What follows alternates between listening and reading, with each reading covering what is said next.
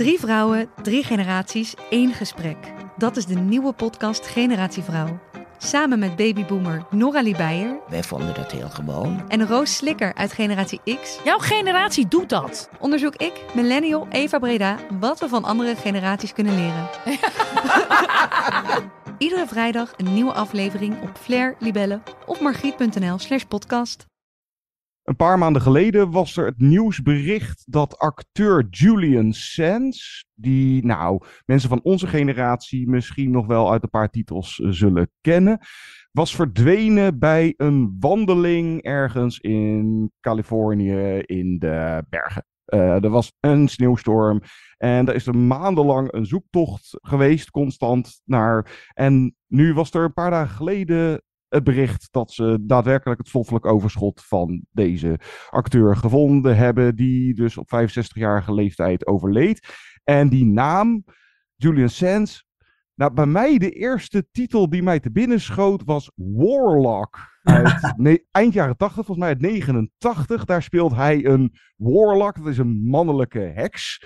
Werd dan verplaatst naar de toen tegenwoordige tijd. Met dan ook Richard E. Grant als de heksenjager, geloof ik, als de held. Heel opmerkelijk filmpje. Maar dat komt ook omdat misschien wel zijn bekendste titel A Room with a View. Met Helena Bonham Carter en Maggie Smith. Nou, zo'n James Ivory eh, kostuumfilm. Die zag ik pas veel later. Dus Julian Sands was voor mij Warlock. Die schoot me als eerste te binnen. En hij speelde iets van een professor in Arachnophobia. Dat is die spinnenfilm.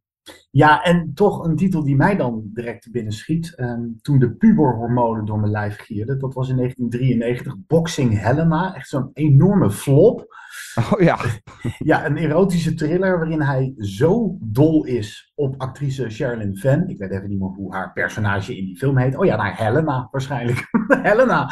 ja. Eh, dat hij, eh, en hij is dan chirurg, hij besluit om haar bij zich te houden, maar even haar benen en armen te amputeren. En spoiler alert, aan het einde van de film blijkt dat dat één grote natte droom was. Heel slecht. Maar als eh, 14-jarige puber maakte die toch wel een tikkie indruk.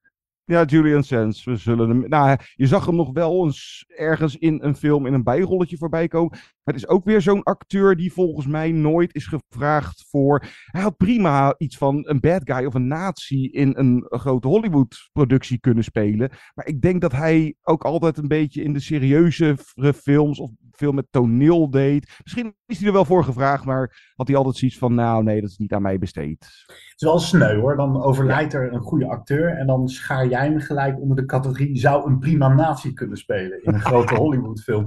Eh dat is wel gelukt. Mats Mikkelsen in Indiana Jones and the Dial of Destiny. Een film waarvoor ik sprak met een andere acteur. Die zit, er zit een Hollander in deze film. Olivier Richters. Hij zegt niet heel veel. Maar hij is toch het knokhulpje van die nazi. Gespeeld door Mats Mikkelsen. Ik ben alleen, John, vergeten hem om een leuk quoteje te vragen om onze podcast in te leiden. Sorry.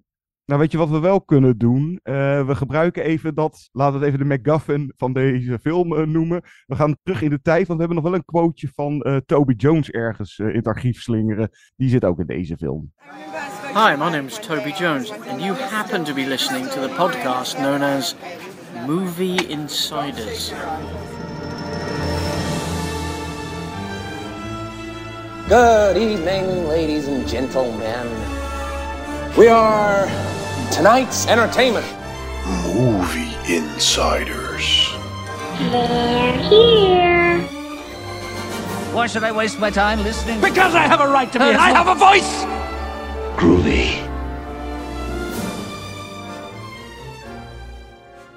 Hallo allemaal, welkom bij een nieuwe aflevering van de podcast Movie Insiders. Die je kan vinden op alle bekende audioplatforms. En je kan ons altijd een e-mail sturen, movieinsiderspodcast.gmail.com of ons contacten via een van de social media's. Wij zijn overal en wij zijn weer compleet, althans, jeetje, hij zit weer tegenover me. Hij mag zichzelf introduceren nadat ik dat heb gedaan. Mijn naam is Guido. En mijn naam is John. Hey! Even een, even een weekje weg of zo hoor. Het, eh, ik heb in de tussentijd wel. eh, nou, ik heb Astro City gezien, eh, wel eh, best van genoten. En nogal wat andere dingen. En dus inderdaad, de. Nou, dat wordt deze podcast. De nieuwe Indiana Jones. De Dial of Destiny. Jij had dus een interview met de Nederlandse spierbundel Olivier Richters. Die, eh, ja, hoe heet dat? Eh Hauke heet die geloof Hauk. Hauke, ja. Hauke? Oké. Nou, benieuwd wat eh, hij te melden had over nou, zijn rol naast Hollywood-legende Harrison Ford. Maar ook misschien wat toekomstplannen, wat hij verder nog gaat doen. Maar ja, we gaan vooral ons focussen. Eén grote, lange recensie van de nieuwe Indiana Jones. We hebben, nou wat is de podcast 2, 3 terug. De vorige door iedereen inmiddels verguisde Indiana Jones en the Kingdom of the Crystal Skull teruggespoeld. En wat bleef daar nu nog van over? Niet heel veel, maar is dit dan beter? Dit is Indiana Jones and the Dial of Destiny. Hitler made mistakes, and with this, I will correct them all. You stole it. Then you stole it. And then I stole it. It's called capitalism. This way! Fasten your seatbelts. There might be some turbulence. You've taken your chances, made your mistakes. And now a final triumph. Give him hell, Indiana Jones! Times in my life, I've seen things. I've been tortured with voodoo. Been shot nine times, including once by your father. Ah, sorry! But I've been looking for this all my life.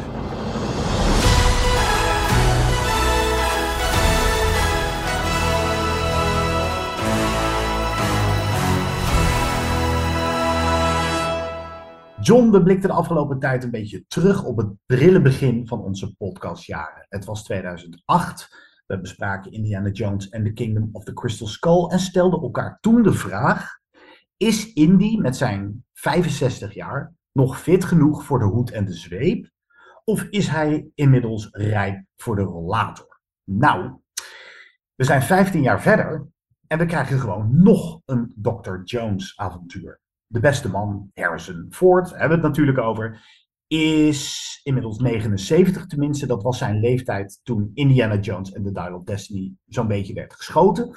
En niet wij movie insiders, maar het script confronteert hem nu met die vraag. Sterker nog, dat script van, ik heb even de namen opgeschreven, Jess Butterworth, John Henry Butterworth, David Cap en James Mangold, die ook op de regiestoel plaatsnam, in plaats van Steven Spielberg, stelt keihard, ja, Indy is rijp voor de rollator.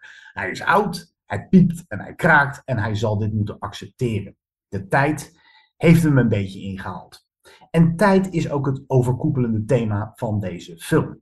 Het maakt niet langer meer flauwe grapjes over de iconische filmheld die too old is voor deze shit.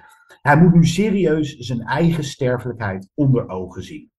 En The Dial of Destiny schiet uit de startblokken met een 25 minuten durende proloog, waarin een digitaal jonger gemaakte Harrison Ford tijdens de Tweede Wereldoorlog de Antikythera, een instrument waarmee Archimedes zogenaamd de tijd kon manipuleren, uit de handen van nazi Jurgen Voller, schurkrol van Mats Mikkelsen, wil houden. Vervolgens wordt er een sprong in de tijd gemaakt, gaan we naar 1969. En om de race naar de maan te winnen, krijgen ex-nazi's vrij spel van de Amerikaanse overheid, waardoor die Voller opnieuw over de nodige middelen beschikt om jacht te maken op die Antikythera. Nou, aanleiding voor een hele hoop achtervolgingsscènes, waarbij Indy wordt bijgestaan door onder meer zijn petedochter Helena Shaw, een rol van Phoebe Waller-Bridge, en het straatjochie Teddy, een soort short round van The Temple of Doom avant la lettre. Die vraag of hij tijd is voor de rollator hoef ik je dus niet meer te stellen. Ik ga er niet omheen draaien ditmaal. Ik zag de film reeds op het filmfestival van Cannes, waar door het merendeel van de aanwezige pers werd neergesabeld. Nu het stof wat is neergedwarreld, kunnen we misschien wat broodnodige nuance aanbrengen.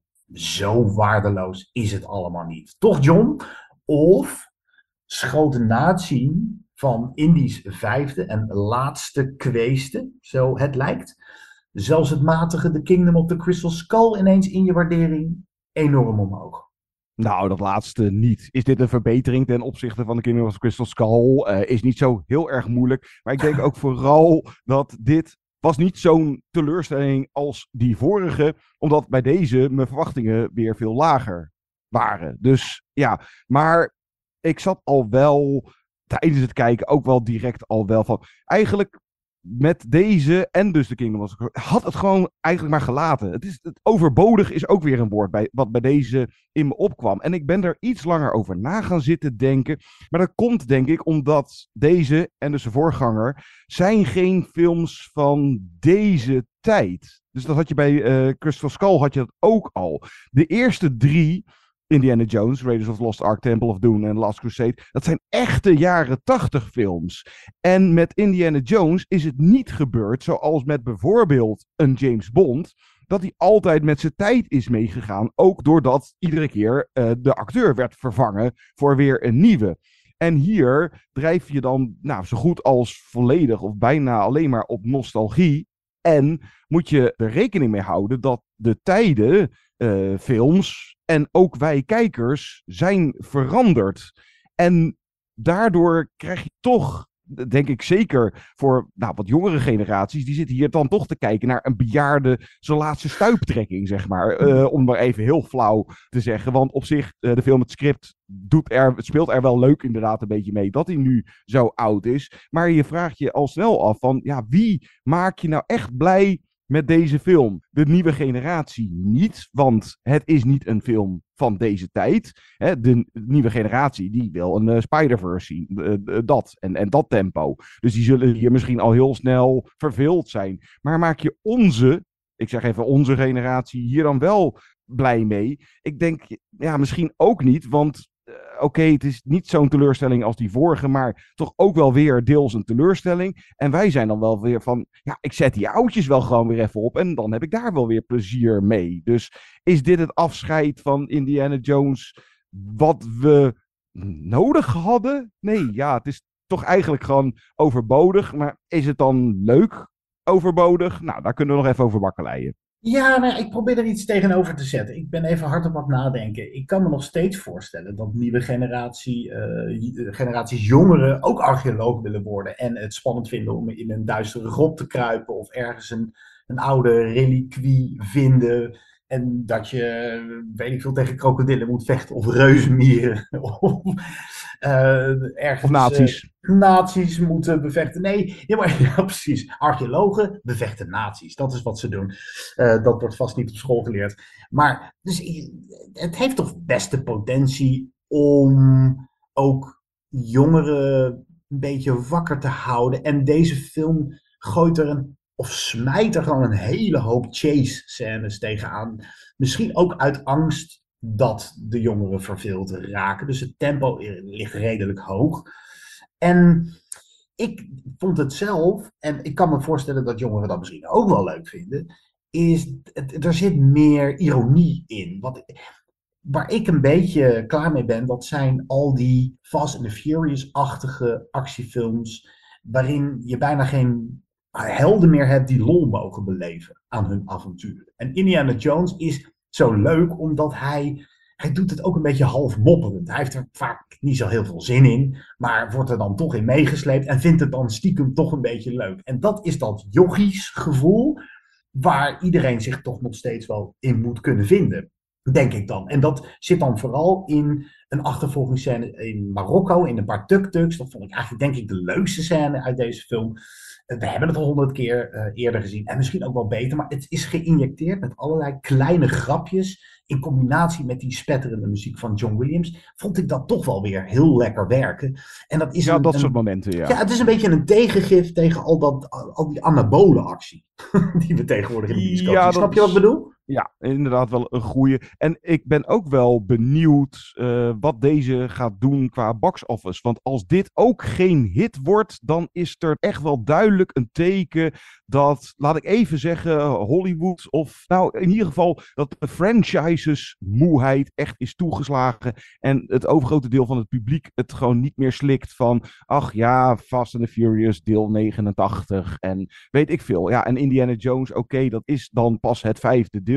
Maar het is ook wel weer iets van we kennen het al, we hebben het al eens eerder gezien. In dit geval is het dan, nou ja, dat speelt met deze en dan dus eigenlijk die vorige ook, eh, daar was het al veel erger mee, dat er dus gewoon zo'n enorme tijdspanne tussen zit uh, na de Last Crusade. Dat was eind jaren 80 en toen duurde het, uh, wat is het, bijna 20 jaar voordat er een, uh, een vierde kwam. En nu weer dus weer 15 jaar verder voordat deze er is. En jij haalde in je intro die uh, opening sequentie al aan. En daarin krijg je eigenlijk bijna, bijna een half uur lang, te lang, daar komen we zo nog wel op, maar uh, eigenlijk een beetje het zoals het was. Uh, zoals die jaren tachtig films was. En dan inderdaad met dat jonger gemaakt. Het ziet er nog steeds niet goed uit. Het, het is toch blijkbaar iets van een uh, CGI-dingetje. Waardoor die personages er een beetje ja, doods of gameachtig. Het is nog steeds niet geperfectioneerd. Ja, en het haalt je er toch een beetje uit. Het, is, ja, het werkt nee, ik, ben, ik ben het met je eens. Want ik, ik, ik dacht eerst. Het eerste shot van een,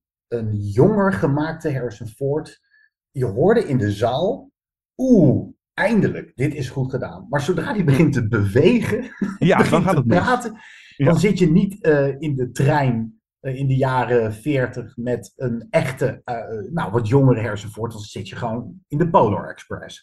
Ja, zeker als die op een gegeven moment moet hij geloof ik, zie je hem vanuit de verte, heb je een shot van die trein en dan rent hij over die. Nou, dat zag er echt uit alsof er een uh, Prince of Persia poppetje jaren negentig game over die trein aan het rennen was. Maar sowieso, maar dat hadden we, volgens mij bij de Kingdom was Crystal Skull, hebben we daar al veel over gehad, is eigenlijk Indiana Jones en CGI, ofwel computereffecten. Dat is sowieso eigenlijk een combinatie geweest die er. Nou, kijk, dat het al in Raiders zat omdat je nou eenmaal die uh, gekke geesten uit, uh, hoe heet dat ding, de Ark. De Ark. Dus, uh, de Ark, de Ark de van, de, dat moest nou eenmaal. Maar dat was ook dan zo'n beetje het enige wat er eh, aan computereffecten. En bij Kingdom of the Crystal Skull gingen ze daar al gigantisch de fout mee in door dat veel te veel te doen. En hier... En ook nog eens hele lelijke CGI. Je hebt ook mooie ja, CGI.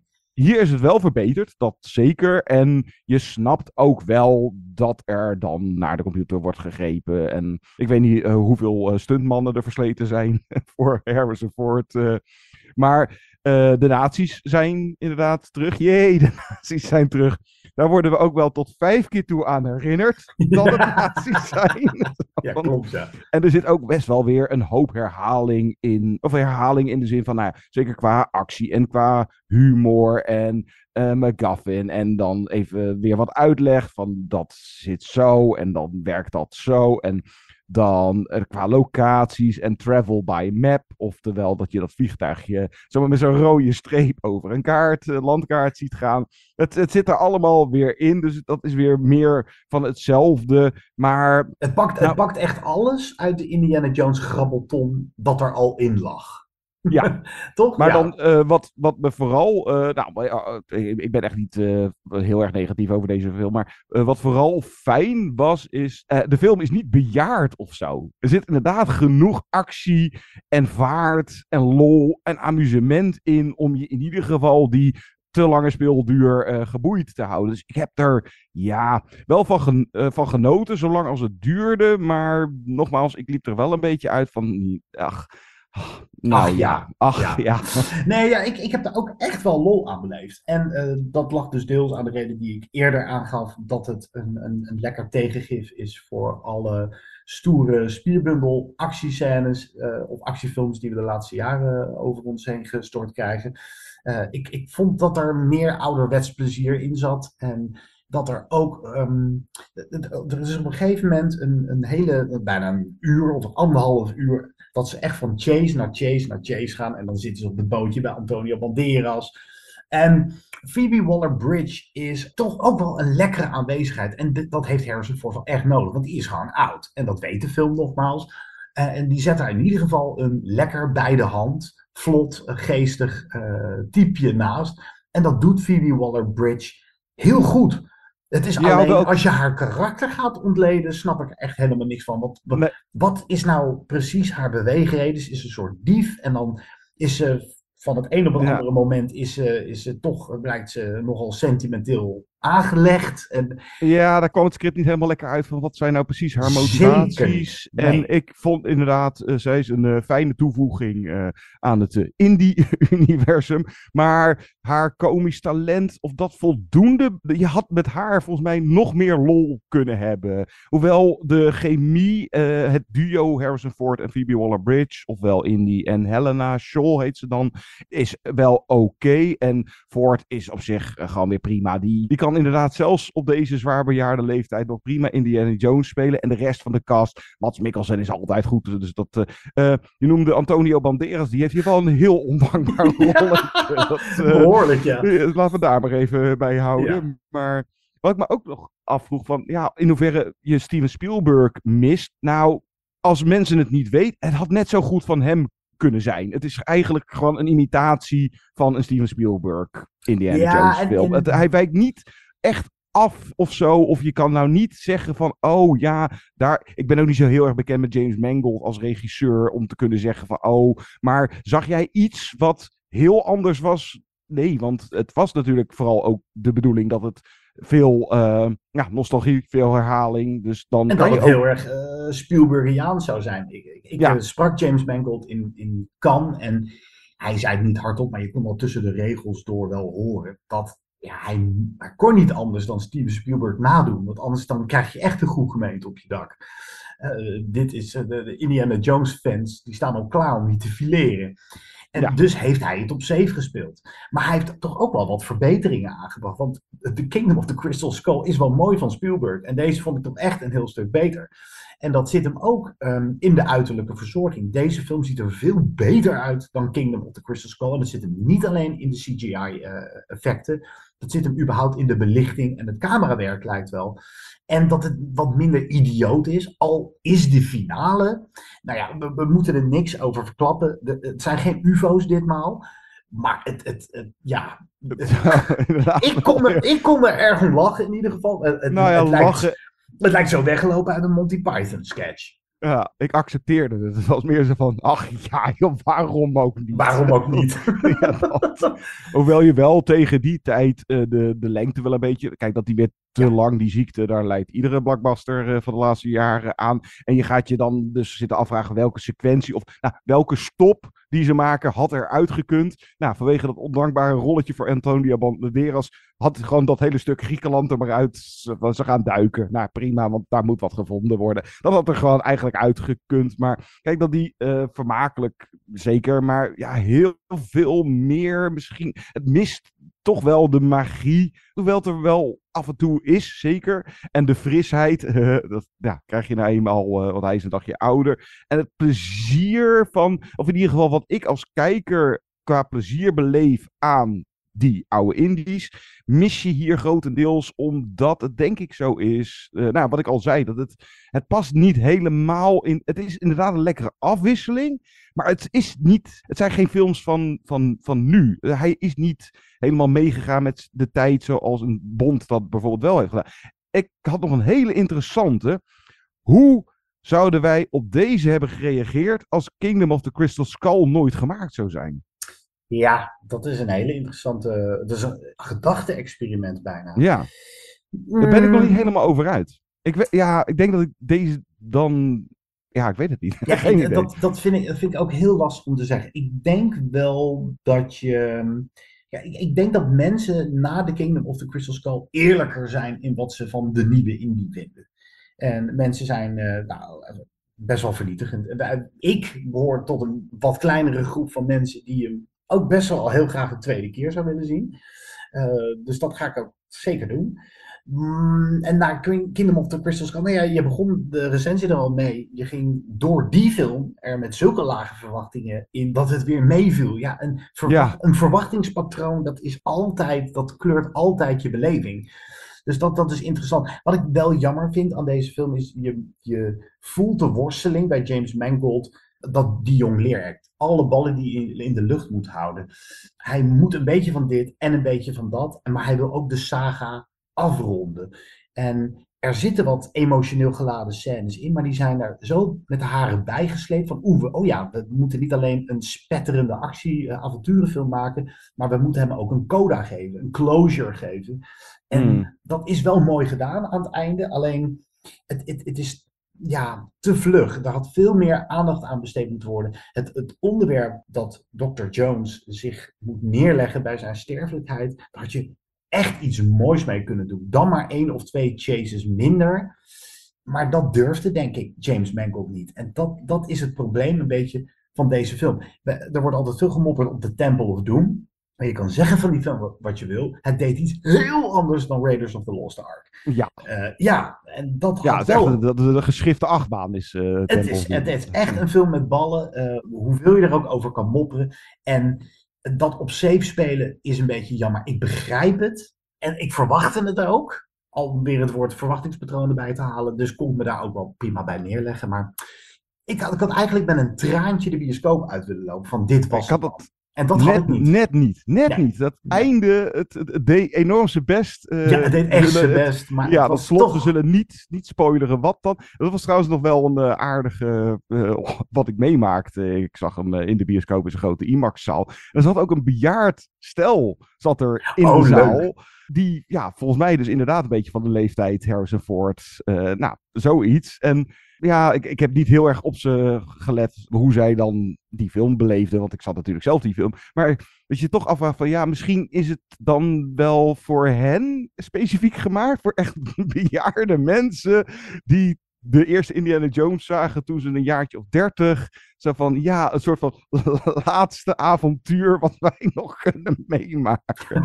maar ik zit wel dat ik na deze, hoewel het de laatste tijd geloof ik voor mijn gevoel wel wat minder begint te worden. Maar dat ik nu, zijn we nu dan eindelijk een beetje klaar met die nostalgie-porno van de laatste jaren? Zo van, Ja. hebben we het nu allemaal gehad? Hoewel je met die schrijverstaking die nog steeds gaande is, wel weer de bui voelt hangen van, oh jee, eh, misschien over een jaar of twee eh, iets dat, ja, er was geen mogelijkheid om heel veel origineel materiaal op te schrijven. Dus we, we gooien er nog maar makkelijk, nou ja, een Indiana Jones zal er dan niet meer komen, maar dan inderdaad weer een Fast and the Furious. En nou ja, inderdaad, we hebben wel weer een Mission Impossible en een... Nou, die wilde ik eigenlijk net aanhalen. Want Mission Impossible, daar gaan we het binnenkort uitgebreid over hebben. Want er komt een nieuw deel uit.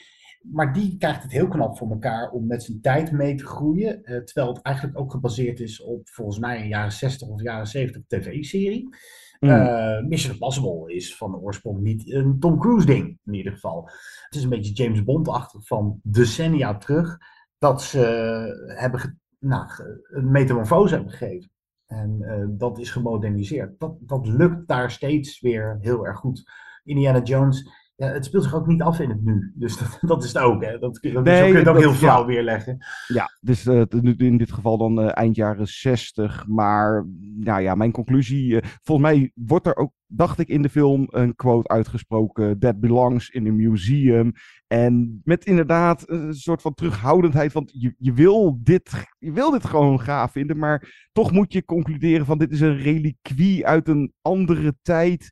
Die, ja, hij toch maar beter zijn hoed en zijn zweep na de Last Crusade aan de wilgen kunnen hangen. Ja, daar ben ik het wel een beetje mee eens. Eh, de persoon die ervoor zorgt dat het toch iets meer tot leven komt, is John Williams. Als je die niet had en je had een andere componist die ook nog eens die muziek van toen probeert te kopiëren, dan had je echt een probleem gehad. Dan, dan wordt het echt Indiana Jonesje spelen. Maar deze film heeft wel degelijk een original score van de maestro die alle Indiana Jones films van muziek voorzag. John Williams. Laten we daar een stukje van draaien uit dus The Dial of Destiny. En dan zijn we straks terug met een interview met een van de acteurs. En dat is een Hollander, Olivier Richters. Dus blijf luisteren.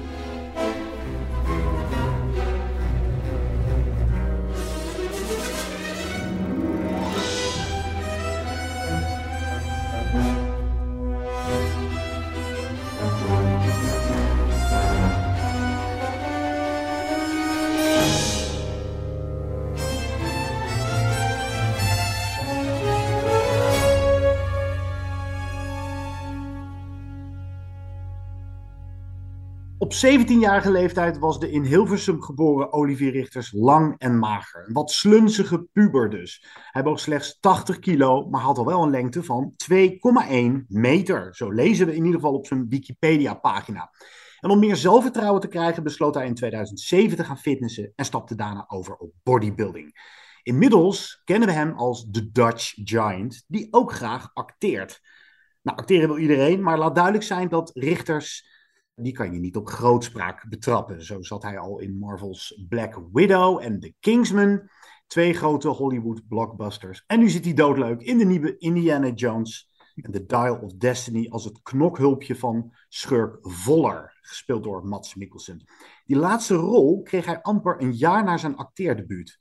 Hoe kreeg de 33-jarige Olivier, inmiddels in het bezit van grofweg 155 kilo aan spierkracht, dat in vredesnaam voor elkaar? Ja, het is nogal een breed, no pun intended, uh, ingestoken vraag, Olivier. Maar hoe kreeg je dat eigenlijk Ja. voor elkaar? Oeh, dus het is een eh, hele reis geweest van een, eh, een droom. En hoe ga je dat bewerkstelligen? dus ik, ik, ja, ik ben inmiddels eh 2 meter 18 en bij 161 kilo. En dat, dat, dat is bijzonder. En ik dacht van, kan ik hiermee de filmwereld in? Dus ik dacht slim te zijn.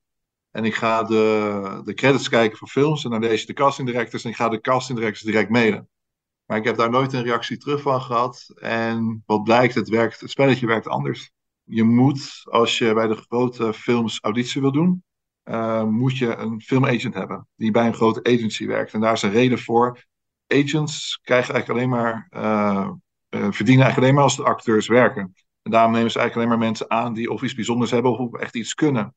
Dus daarom gaan die casting directors bij zo'n grote films alleen maar bij de grote agency langs, omdat het alleen de goede acteurs daar zitten. En het is voor mij een hele lange reis geweest om eh, een, eh, een agent te vinden die mij geloofde. En eh, dat heeft me twee jaar geduurd. bij iedereen aankloppen. Ja, inmiddels ehm, is dat een agent die in mij gelooft. En ehm, ja, de castings voor mij regelde als in, ik kreeg een script. Je moet het thuis opnemen. Je stuurt het in en is het goed genoeg, dan ga je nog 102 door. Of soms word je wel meteen gekozen. En eh, ja, dat was voor mij ongeveer drie jaar geleden, of misschien al vier jaar geleden alweer, de, de Kingsman, Mhm. eh, waar ik voor ik auditie deed. En eh, dat was meteen raak. En meteen in het hoogste niveau. Want het is een film die wereldwijd is gegaan. Ja, vanuit daar is het balletje gaan rollen.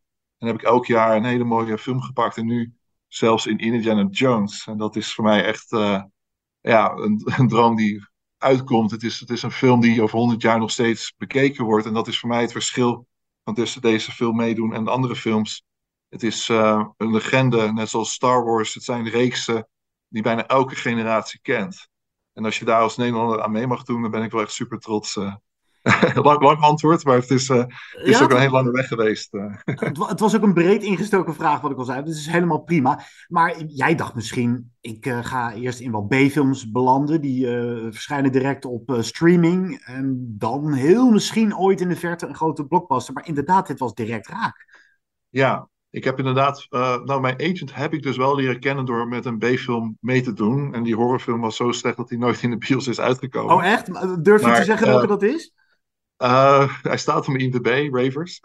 Ravers. Oké. Ja, het punt was dat ik eh, de hoofdactrice sprak. En zij legde me eigenlijk uit, wat ik net jullie uitlegde, van hoe het spelletje werkt om zo'n casting te kunnen meedoen. En zij interesseerde mij dus uiteindelijk aan eh, haar agent. En dat hele verhaal heeft mij twee jaar gekost om die man dus zo terecht te komen. Ja. Dus het is wel inderdaad via een B-film gegaan. En eh, de wens eh, om mijn eh, verschijning in acteren te bewerkstelligen, ja. Ja, geweldig. Nou, dan snel over naar Indiana Jones en The Dial of Destiny. Dit verhaal heb je vast al honderd keer verteld, maar wij willen het allemaal toch nog heel graag horen. Vertel eens over je eerste ontmoeting met Mr. Ford. Ja, de leukste ontmoeting die ik met een acteur ooit gehad heb. Oh ja? Ze waren al twee, twee maanden aan het filmen.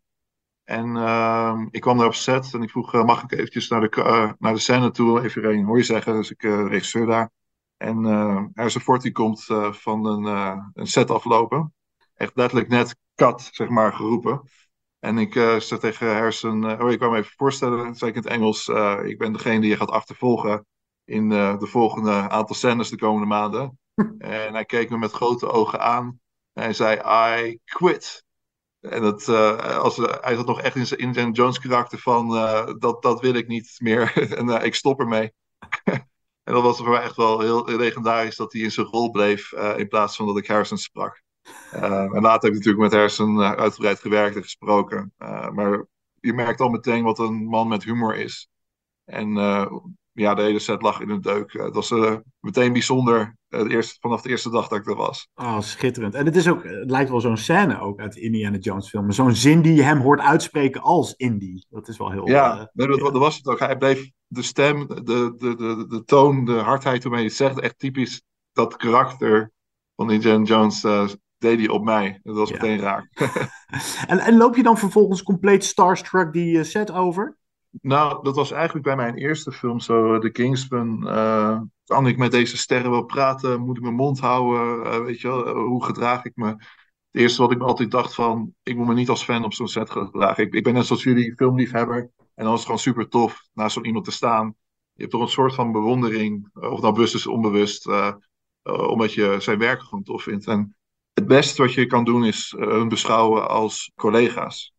En dat is ook wat ik altijd heb gedaan vanaf de Kingsman. En uh, ik heb ook daarom ook nooit een foto met Harrison gevraagd, al die acht maanden op set. Alleen bij de première heb ik dat wel gedaan, want ik dacht, ik moet er toch eentje hebben. En dat heeft hij altijd, altijd graag gedaan. Ja, het leuke is, als ik nu uh, terugkijk en je stelt me die vraag. Ik heb nu in ongeveer zes uh, films gezeten die wereldwijd zijn gegaan. En zoveel sterren ontmoet. Dat het gewoon heel leuk is dat ik normaal met ze kan omgaan. En niet als fan daar met me een handtekening wil, graag wil van hun. Snap je? Dat, uh, dat is voor hen ook gewoon veel fijner om zo te werken. Ja, ik snap wat je bedoelde. En, en hoe is Harrison Ford? Want ja, hij is Indy, hij is Han Solo, hij is uh, Deckard uit uh, Blade Runner, maar hij is ook 80 jaar oud. ja, en ik, ik, las ook de zorg inderdaad uh, op internet van, kan hij het nog aan, 79 jaar? Ik kan het 100% zekerheid zeggen dat hij meer conditie heeft dan ik. Ik heb acht maanden tijd nog nooit op een stoel zien zitten. Tijdens de pauzes is hij aan het fietsen. En ik denk dat dat zijn kracht is. Dat, hij, eh, dat zei zijn visie ook. Hij fietst ongeveer 15 kilometer per dag. Hij had dat lichaam zo goed fit. Dat daardoor ook op die leeftijd hij dit nog aankomt. Wow. En uh, hij doet ook nog gewoon zijn eigen stunts. hij heeft niet allemaal natuurlijk gedaan, maar een heleboel wel. en ja, dat komt omdat hij zijn lichaam gewoon goed onderhoudt. Dat, dat is heel bijzonder. Zijn karakter vond ik ook echt heel bijzonder. Uh, bijvoorbeeld in de New York scènes hadden we echt een cast van 300 extra's van mensen die aan de zijlijn stonden in die tijd speelden, zeg maar. En als de kamer niet draaide, ging hij gewoon met iedereen praatjes maken. En het is uh, echt, uh, dat, dat, dat hoef je niet te doen, snap je? Dat, hij kan ook gewoon naar, ja, in zijn trailer relaxen tv kijken, wijze van. Maar ja, exact. Dat, je, je ziet zijn persoonlijkheid. En oh, dat, dat, dat is niet veranderd in die acht maanden. Dus ik, ik, ik heb echt Harrison Ford, Harrison Ford gezien. Dat is echt een bijzondere man. Hey, volgens mij denken heel veel mensen uh, bij het spelen in een grote Hollywood-productie aan een uh, magische ervaring. Was dat het ook, of bestaat het toch voor een groot deel uit uh, potjes patiënt spelen in je trailer? Nou, ik denk wat James Mangold heeft willen doen, en wat misschien in deel 4 miste, het gevoel van 1, 2 en 3 terugbrengen, maar dan bij de nieuwe generatie. En ik heb deze film echt objectief geprobeerd te kijken, wat best moeilijk is omdat je erin zit. Ja. En ik, ik denk en ik hoop dat dat ook echt gaat gebeuren. Ik denk het wel. Um, die magie die mensen in, voor mijn vader, weet je wel, dat is echt deel 1 en deel 2 heeft hij in de bios gezien. Mm-hmm. Um, hoe vet is het als we het kunnen voor elkaar krijgen? En ik denk dat het gaat gebeuren dat de jeugd nu dat gevoel kan krijgen. Vanuit die tijd. Uh, ik denk dat ook dat het doel was met het laatste film. Nou kan ik niet voor Megan Spunkel spreken, maar dat, dat is gewoon hoe ik het heb ervaren daar. Dat ze dat gevoel steeds proberen terug te brengen. En ik vind, denk ook echt dat dat gelukt is. Dus het, het was uh, ook wel gaaf om op de set te staan en niet alleen maar wachten en niks doen. En dat het, nou, je hoort ook wel eens mensen zeggen, nou ja, het is, iedereen droomt daarvan, maar het, het kan ook heel saai zijn. Ah, op die fiets. Nou kijk, saai was het sowieso niet. Naar vier verschillende landen geweest. Hè? Schotland, uh, Engeland, Marokko en Italië. Ja, dat is ook niet verkeerd. Nee, het waren hele mooie locaties in grotten. En uh, nou ja, het avontuur gaat overal de wereld, Europa door. En uh, kijk, die vraag is eigenlijk misschien meer in het algemeen als acteur zijn. Je bent niet altijd je tekst aan het leren, je bent niet altijd op set. Um, ik ga niet zeggen dat acteur zijn eenzaam is, maar je moet jezelf wel behoorlijk kunnen vermaken. Omdat er gewoon heel veel uur op een dag zijn waar je niet aan het werk bent. Exact, ja. ja, dat is belangrijk. Dat je dat, je dat kan als acteur. En, kan je ons eens meenemen naar die set en misschien een mooie uh, situatie vangen? Heb je misschien een mooie grappige anekdote, iets dat je altijd zal bijblijven? Nou, qua set, wat ik heel bijzonder vond, we hebben, in, um, ik weet de naam niet meer van, de, het was een grot in Italië. Massive, weet je wel. Iedereen heeft wel eens van, van die grot gezien in Italië. En dan uh, wordt daar de beginscène gefilmd buiten en dat we naar binnen lopen. Kom je toch terug in Londen en hebben ze de binnenkant van een grot compleet nagebouwd. Maar net zo indrukwekkend als in Italië. En van deze setbouwers, niet normaal. En dan hebben ze ook nog een waterval doorheen gebouwd. Met, met turbomotor dat het water zo stroomt. Dus echt, er is zoveel werk gegaan aan de decoratie en achtergronden. Uh, wat deze film zo mooi avontuur maakt. Waardoor het, het echte is gecombineerd met het namaken en je ziet geen verschil. Wat ik heel bijzonder vond, omdat ik wist dat Harrison Ford zijn eigen stunts doet, is dat ik ook een stunt met hem mocht doen. Ik had een stunt voorbereid met zijn stuntacteur. Uh, maar op de dag zelf stond Harrison Ford daar, want hij wou het per se zelf doen. En dat vond ik wel heel bijzonder dat, we samen, dat ik samen met hem een één op één scène had. En dat, dat zal me altijd wel bijblijven. Ik, ik las even uh, terug naar je roots. Ik las ooit dat Jaws je grote voorbeeld is. En dan hebben we het natuurlijk niet over die uh, rubberen haai. Nee. Jaws van James Bond met de ijzeren tanden. Ik denk dat heel veel mensen die nog wel kennen. De enige slechterik die ooit twee keer in een James Bond gespeeld heeft gefilmd. Of heeft, heeft gespeeld. Dat komt omdat ik die film keek als klein kindje. En eigenlijk te jong was voor die film. En hij zo indruk bij maakte. Niet wetend dat ik later ook 218 zou worden. Die indruk die hij bij maakte. Is mij bijgebleven. En ook beseffen dat hij misschien wel de eerste pionier is als reus zijnde die de filmwereld is ingestapt iemand moet eerst zijn. Ik vind hem echt bronswaardig ook hoe hij dat neer heeft gezet. Want hij maakte op mijn indruk destijds. Uh, ik, kijk, jij vertelde net over auditie doen. En dat doe je dan niet face-to-face, maar ook via een tape die je van jezelf maakt, neem ik aan. Ja. Uh, telefoon in de selfie-stand. Maar dan heb je dus niet genoeg aan je fysiek. Je moet ook echt wel kunnen acteren. Heb je, heb je allemaal acteerlessen genomen? Ging dat je makkelijk af? Uh, hoe gaat die weg? Nou, wat ik natuurlijk wil verbeiden is een, gelijk een beetje met idols. Dat je denkt dat je kan zingen en je komt daar en staat voor een jury en dan uh, ga je af. Dus de Kings bij mijn eerste film was voor mij heel belangrijk. Dat ik een soort van bevestiging kreeg van de regisseur, de producer daar. Van uh, we zijn blij dat we je gekozen hebben en er zit iets in je. En die bevestiging kreeg ik daar niet omdat ik er naar vroeg. Maar aan het eind, toen mijn job klaar was, kwamen ze naar mij toe en zeiden ze dat. En dat was voor mij het punt van: oké, hiermee wil ik en ga ik mee door. De acteeropleidingen heb ik niet als in dat ik ervaring in Nederland heb opgedaan met heel kleine opdrachten en merkte dat ik acteren leuk vond. Maar mijn acteercursussen waren eigenlijk de, op het hoogste niveau instappen. En mijn rollen steeds beetje bij beetje groter werden en, en uitgebreider. En ook als ik niet nodig was op set, toch op set te zijn om te kijken naar hoe de andere acteurs het doen. Mhm. Het is voor mij zo mooi om. We zien allemaal acteurs acteren op tv, op de film. Maar ik zie het van de zijkant hoe hij acteert naar de camera toe. En dat is anders, want dat is ook hoe ik het moet doen met mijn castings. En dan maak je dus mee. Ik heb het script, heb ik letterlijk in mijn handen. En hoe je van de platte tekst, uh, zo'n acteur als Matt Mikkelsen bijvoorbeeld, het zo levendig maakt. Met zijn bewegingen, zijn emoties, zijn handdraaien, zijn twistjes, zijn spraakverhogingjes als je dat, die maakt het allemaal live mee. En hoe, een betere cursus kon ik eigenlijk niet hebben dan ik de afgelopen jaren heb gehad. En elke film neem je dan iets mee. En merk ik ook als ik mijn castings kijk van drie jaar terug en nu, zegt mijn film het ook van shit, was je maar in dat niveau ingestapt, dan waren we nu al heel erg anders.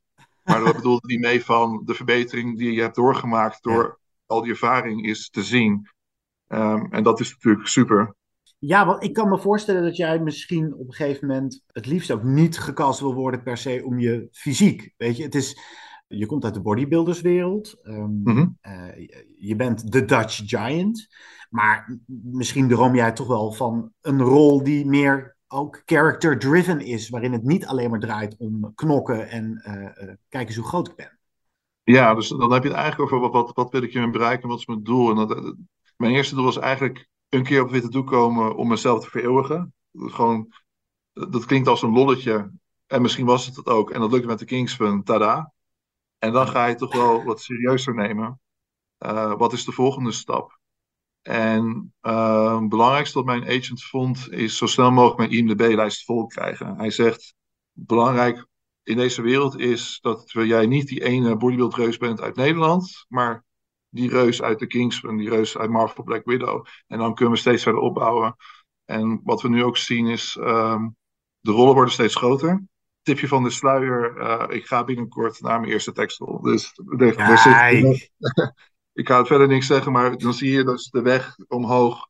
En Indiana Jones is het hoogste wat ik tot nu toe gehaald heb. En, en uh, daar gaan we weer op verder bouwen. Oké, en, en, en, en, dat tipje van de sluier, kunnen we dat nog uitbreiden door te zeggen dat is ook weer in een grote Hollywood blockbuster of iets meer in de niche?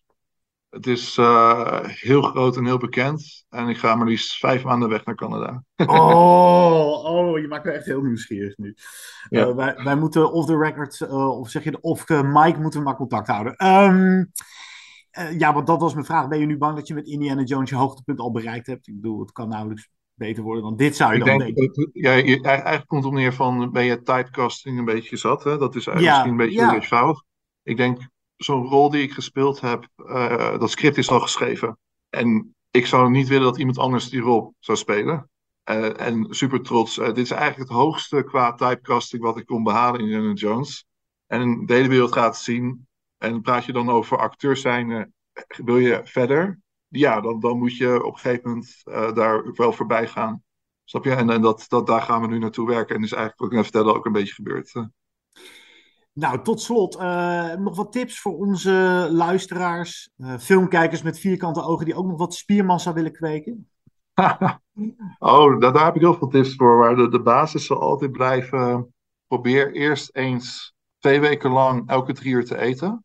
En dan pas echt fanatiek naar de gym toe gaan. Ik zie te veel mensen zo vaak om de dag trainen, soms wel vijf keer per week trainen en niet op hun voeding letten en op hun eiwitten. En dan heb je meer afbraak dan spieropbouw. Uh, het moet altijd bij het eten beginnen. dat is de nummer één tip uh, die ik zelf had moeten hebben. Omdat ik eigenlijk de eerste drie jaar van mijn trainer zoveel verwaarloosd heb en eruit had kunnen halen als ik iemand had gehad die mij het eten leerde. Ik, ik kan je Ah. voorstellen dat mensen heel veel motivatie hebben. Hé, hey, ik wil afvallen. Hé, hey, ik wil gespierder worden. En dan hebben ze die motivatie om naar de gym toe te gaan. En dan verwaarloosden ze thuis. En dan, dan mis je het doel. Dan schiet je gewoon mis. Dus dat is de belangrijkste tip die ik kan geven. Dat voeding nummer één en trainen nummer twee. En nog steeds s'nachts uh, opstaan om die bak kwark uh, leeg te eten natuurlijk. Uh. Als ik het op papier schrijf, zit ik op 6300 calorieën afgerond. Zo. En ja, die bak volle kwark, s'nachts om vier uur, die is toch 700 calorieën. Dat is een behoorlijke hap in je schema. Dus dat moet. Het moet. Die blijf, je, die blijf je netjes eten. Yes. Olivier, ik ben trots op je. Dat uh, wil ik ook even gezegd hebben. Dank je wel uh, voor je tijd en heel benieuwd naar je, naar je volgende en eerste tekstrol. Dat is ook heel spannend. Het ga je goed, uh, man. Dank je wel. Dank je wel voor je interview. Oké, okay, ik ga een bak kwark eten. Dit was Movie Insiders deze keer. Helemaal in het teken van Indiana Jones en The Dial of Destiny. Als jullie hem gezien hebben, laat vooral weten wat jullie ervan vonden. Door bijvoorbeeld een reactie te geven op Insta of op Twitter, at Movie Insight. Ik kan van je laten horen op Facebook of onze mail sturen met een kort verhaal, lang verhaal, maakt niet uit. movieinsiderspodcast.gmail.com. Dan lezen wij dat voor in een volgende show. Eerst volgende show, zo goed als zeker ik en Jasper, nog niet helemaal duidelijk wat dan. Maar in ieder geval deze maand, we hebben het dan even over juli, komt er dus nou, de nieuwe Mission Impossible, Dead Reckoning, part 1. Part 1, ja. Ja, ook weer in tweeën, net zoals er blijkbaar nog een Fast and Furious, ik heb die tiende nog niet gezien, maar er komt dan nog een elfde, wat dan ook weer een soort van tweede deel, nou, whatever. Ja, het is een soort treintje. Het begon met ja. uh, Harry Potter en de Deathly Hallows part 1 en 2. En je hebt dat momenteel ook met die Spider-Verse, die eindigt ook keihard in een cliffhanger. Ja, dus nou, en dan, uh, oh, wordt het de cult hit uh, van het jaar? Of wordt het gewoon ongelooflijk shit? Nou, volgens mij komt dat wel goed. Uh, Barbie, die komt eraan. En Oppenheimer. Laten we alvast even zeggen, Christopher Nolan's gooi naar Oscars. In ieder geval de trailer, het ziet er indrukwekkend uit. Die titels kun je sowieso binnenkort verwachten. En we gaan eruit met nog een stukje score van Maestro John Williams. Hij heeft dus inderdaad wel ja, het overgrote deel van de score is gewoon nieuw werk, toch? Zeker, ja. Als er iemand met uh, de march mag strooien, met zijn eigen march, dan is het John Williams zelf natuurlijk wel. Maar hij uh, componeerde allemaal vers materiaal. Je merkt wel ook bij John Williams dat de rek er een beetje uit is. Maar die man, is uh, de negentig gepasseerd, geloof ik. Ja, en, en, ik zit daarnaar te luisteren met echt zo'n dat, dat droevige gevoel dat het misschien zijn laatste soundtrack is. Jeetje, Mina. Uh, wij moeten echt een complete podcast special wijden aan die man als hij een keer komt te overlijden. Maar daar wil ik niet eens aan denken. Dat, dan, dan begin ik al te huilen bij het idee. Laten we eruit gaan met zijn uh, nieuwe thema. Hij componeerde een thema voor Helena Shaw, gespeeld dus door Phoebe Waller-Bridge voor deze laatste, en laat het dan ook echt de laatste zijn, Indiana ja, Jones. Niet, niet nog, ja, nee. Ja, of je inderdaad, gaat dat gebeuren? Nou ja, dat, dat merken we in de toekomst dan wel. Dat ze een nieuwe, jonge ja, versie van... Nee, nee, doe maar niet. Nee, bedenk Klaar, iets zijn, nieuws. Punt. Ja, bedenk iets nieuws. Indiana Jones is afgelopen. Klaar. Het is afgelopen en het eindigde met The Dial of Destiny. Tot de volgende keer. Tot gauw.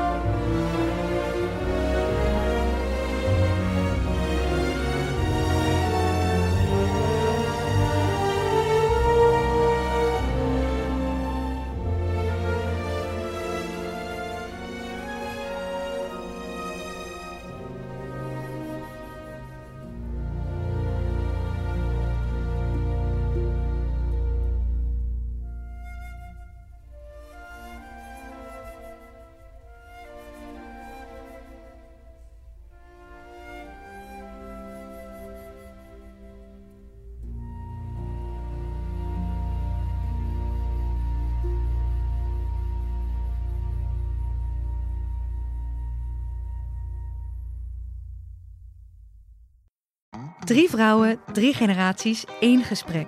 Dat is de nieuwe podcast Generatie Vrouw.